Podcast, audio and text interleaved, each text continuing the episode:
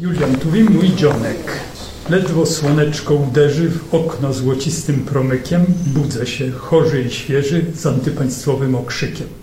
Zanurzam się aż po uszy w miłej, moralnej zgniliźnie i najserdeczniej uwłaczam Bogu, ludzkości, ojczyźnie.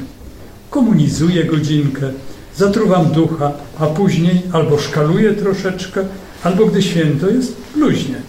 Zaśmiecam język z lubością, znieprawiam, do złego kuszę, zakusy mam bolszewickie i sączę jad w młode dusze.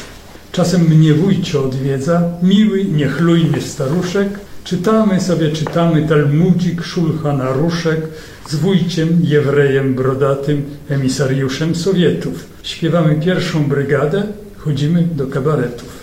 Od oficerów znajomych wyłudzam w czasie kolacji sekrecik jakiś sztabowy lub planik mobilizacji.